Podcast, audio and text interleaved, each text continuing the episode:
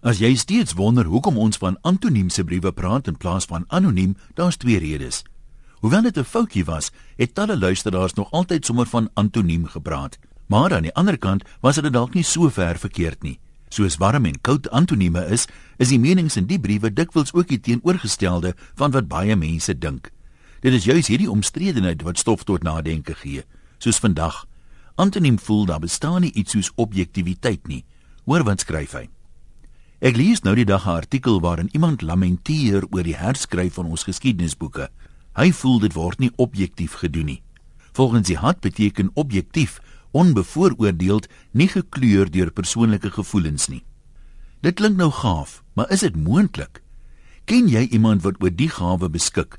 Want dis wragtige gawe van bo wat nie mildelik uitgedeel is nie om na enige aangeleentheid te kyk sonder dat sy eie agtergrond, opvoeding en persoonlike gevoelens sy opinie kleur.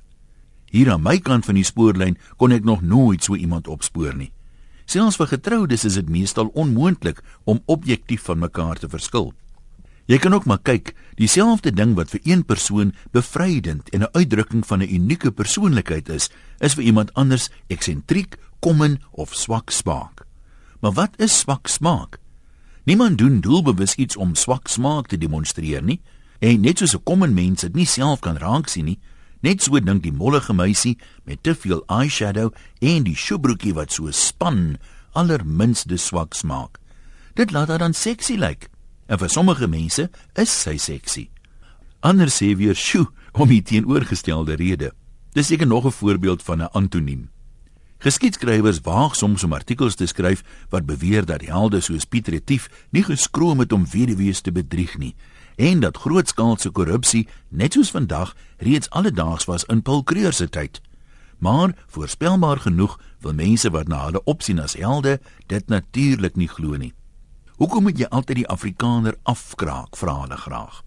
Nou wat is die kans dat ons geskiedenis word objektief herskryf en almal is tevrede dat hulle voorsaat is 'n sny van die koek van erkenning groot genoeg is?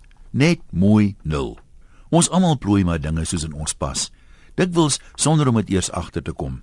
So skryf 'n geleerde dat dit 'n fout is om in die nuwe geskiedenisboeke te verswyg hoe Afrikaners ook onder apartheid gelei het. Die feit dat die groepsgebiede wet voorgeskryf het wie waar mag bly, beteken nie net dat swartes verbied was om op sekere plekke te woon nie. Volgens hom het dit wit mense net so ingeperk omdat hulle nie in die lokasie kon gaan woon nie. Ek sou hom nogal graag wou vra om 'n bietjie te verduidelik hoe dit op leiding neerkom as iemand verhoed word om op 'n plek te gaan woon waar jy nou nooit wil gaan nie. Maar ek is seker weer net bevooroordeeld. Groete van oor tot oor. Antoniem